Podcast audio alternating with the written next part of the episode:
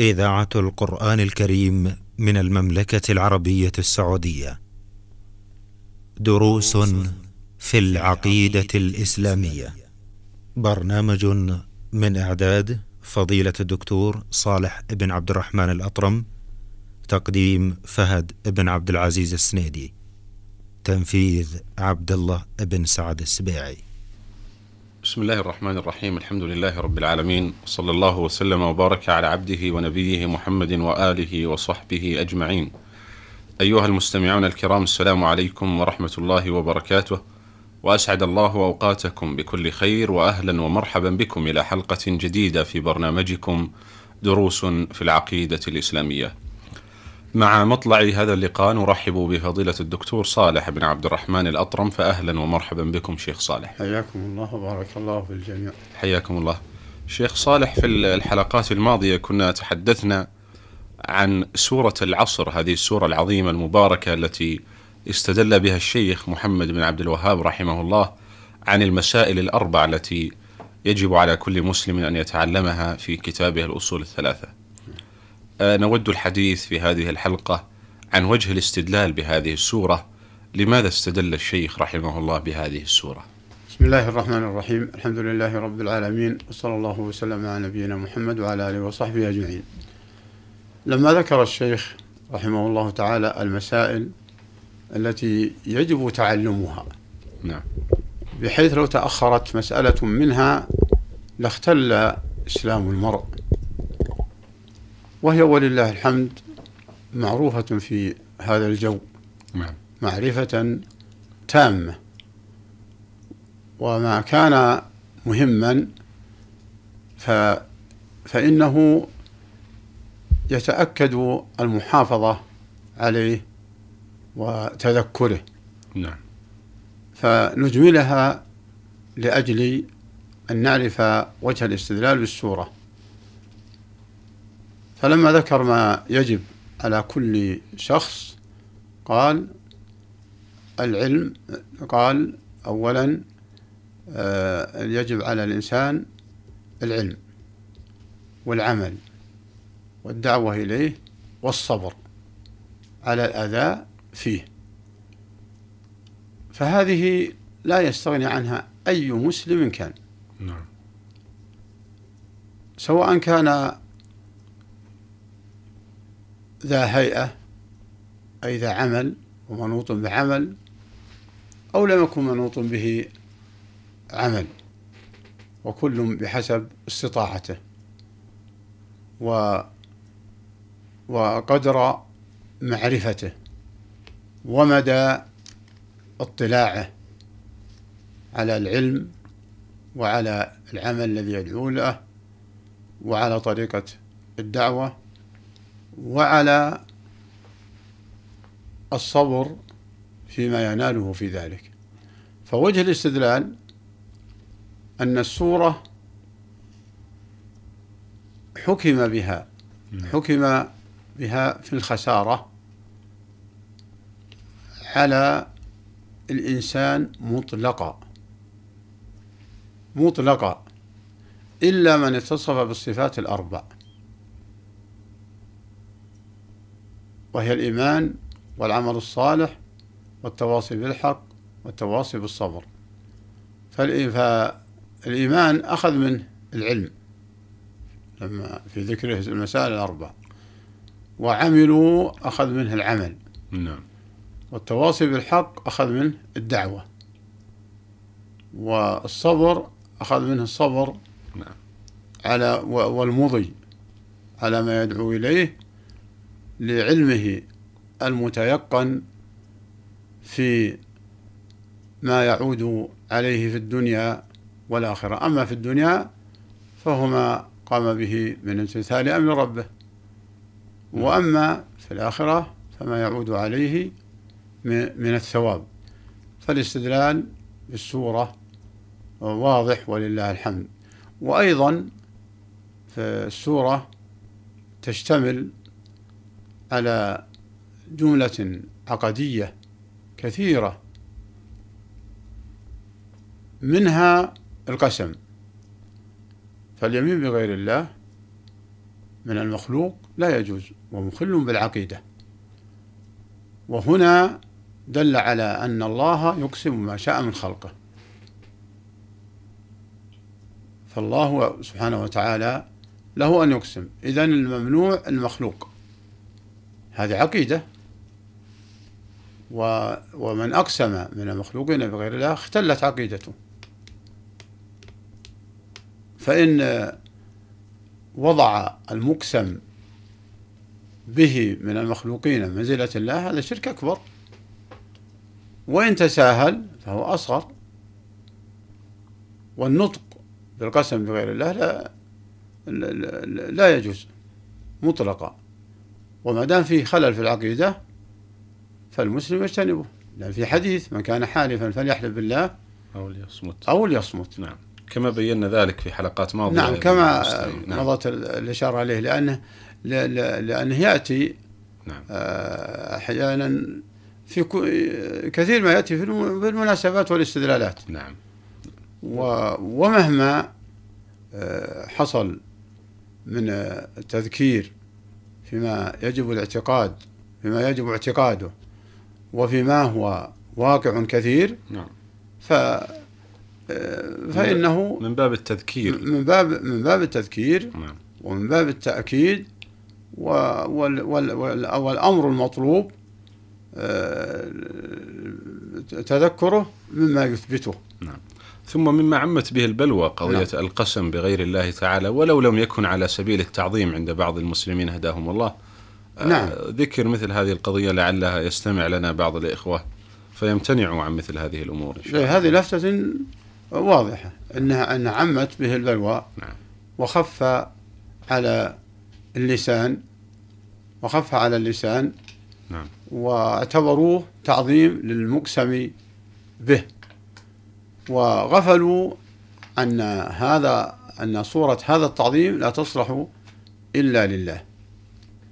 ولربما بعضهم قد يتأول أو يستسيغ كون الله سبحانه وتعالى أقسم بالمخلوقات. وهذا قد جاء العلم عنه عند العلماء والتنبيه عليه أن الله يقسم بما شاء من خلقه. ولكن المخلوق منع الحديث الذي سمعناه من كان حالفا نعم. فليحلف بالله. لما يتضمنه القسم من التعظيم الذي لا يصلح إلا لله سبحانه وتعالى. نعم. نعم. آه، شيخ أيضا في آه، قول الله تبارك وتعالى إلا الذين آمنوا. فهمنا أن الشيخ رحمه الله أخذ آه، شرط العلم أو مسألة العلم من هذه الآية. نحن في حلقات ماضية لعل المستمعين الكرام تابعونا عندما تحدثنا عن موضوع العلم أن ثمة قدر معين من العلم الكفائي التي الذي يجب على كل مسلم أن يتعلمه.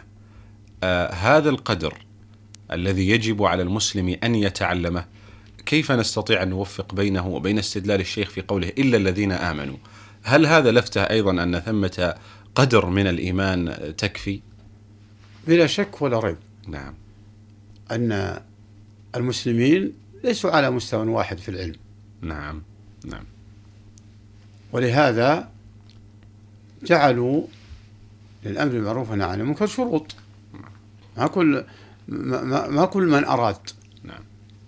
دعا أو كل من أراد آه، أمر أو كل من أراد آه، نهى. هذا هذا ف... بالنسبة للعلم. إذا أذنت لي يا شيخ أيضا نعم. وإن كنت مخطئا لعلك توضح الموضوع. نعم. آه العلم يتفاوت من شخص إلى آخر. العلم يتفاوت العلم شك. الإيمان كذلك يتفاوت من شخص إلى آخر. فلعل فيه لفتة أيضا على أن الإيمان يزيد وينقص كما أن العلم عند الإنسان يزيد وينقص. هو الإيمان فسر هنا بالعلم. نعم. لأن العمل الصالح جاء في جانبه. الله أكبر. نعم. جاء العمل الصالح في جانبه. وإذا أطلق الإيمان فإنه يشمل الاعتقاد والقول والعمل. نعم نعم. هذا عند أهل السنة والجماعة أن الإيمان قول باللسان واعتقاد بالجنان وعمل بالأركان. لكن لما جاء العمل في جانب هنا نعم. آه، استدل به الشيخ على العلم وهو ما يعرفه الإنسان ويعتقده. هذا الذي يعتقده لا بد من العمل به. و وقد يفسر الإيمان بالتصديق. فيكون ويكون آمنوا يعني صدقوا تصديقا جازما. تصديقا جازما بما جاء من عند الله. ومن هنا نبه المفسرون على هذه السورة وعظمتها بأن الحكم في الخسران جاء مجملا. إن الإنسان لفي خسر. ولكن الإصلاح وطرق الاستقامة وطرق الذي يحظى بقرب ربه جاء مفصل. طرق البناء جاءت مفصلة. نعم. فقال إلا الذين آمنوا وعملوا الصالحات. فبدأ بالإيمان الدال على العلم لأن العمل لا يصلح إلا بعد العلم. وإذا كسب الأمرين العلم والعمل في فإنه يعديه إلى غيره. وهذه عقيدة لأهل السنة والجماعة. نعم. عقيدة يؤديه إلى غيره ما دام عرف ما يأمر به وما ينهى عنه. لكن يعني نفهم إذا من كلامكم شيخ أن العلم والعمل آه، تختص بالشخص ذاته. نعم. الصبر والدعوة والدعوة إليه والصبر آه، أمر متعدي. أمر متعدي مضبوط. نعم. أمر متعدي. لكن وجه هذا التعدي ومن أين ومن أين عرفنا أنه متعدي؟ نعم. قالوا إن الله سبحانه وتعالى بين الرابح من الإنسان. والرابح من وجد فيه صفتين التي هما الإيمان والعمل. ووجد فيه صفتان أيضا يتعديان إلى غيره. يتعديان نعم. إلى غيره. فيكون نفع نفسه ونفع آه، غير ونفع غيره. فمن هنا قالوا وتواصوا بالحق وتواصوا بالصبر. هذه صفتان آه، تحصل على الإنسان لمنفعة الغير لمنفعة غيره. فالتواصي بالحق قالوا المراد به التآمر بالمعروف والتنهي عن المنكر والتعليم الغير وتعليم الغير تواصوا. وقال تواصوا لشرف هذه الصفة و ولتحقق وقوعها. ممن آمن وعمل الصالحات لأن قال تواصوا شيء مضى كأنه حصل. مع أنه باق إلى يوم القيامة. شيء حصل شيء لم يحصل. لكن ما قال ويتواصون. ففرقا بين ألفاظ الألفاظ تواصوا وألفاظ يتواصون. فتواصوا هذا المتوقع ممن آمن وعمل الصالحات. والحق فيه تجاوز منك إلى غيرك. لكن متى؟ بعد العلم وبعد العمل.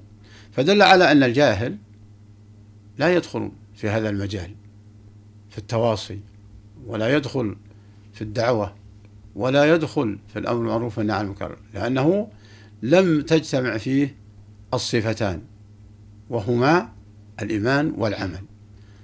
هذا التواصي الذي هو يتجاوز إلى الآخرين لا بد وأن يحتاج صاحبه إلى صبر. والصبر قد يكون الصبر على ما يلاقيه من صعوبة الأداء. وقد يكون الصبر على ما يلاقيه من أثر عكسي ممن ممن أمرهم أو نهاهم. ولهذا معاني القرآن عظيمة تواصوا بالصبر.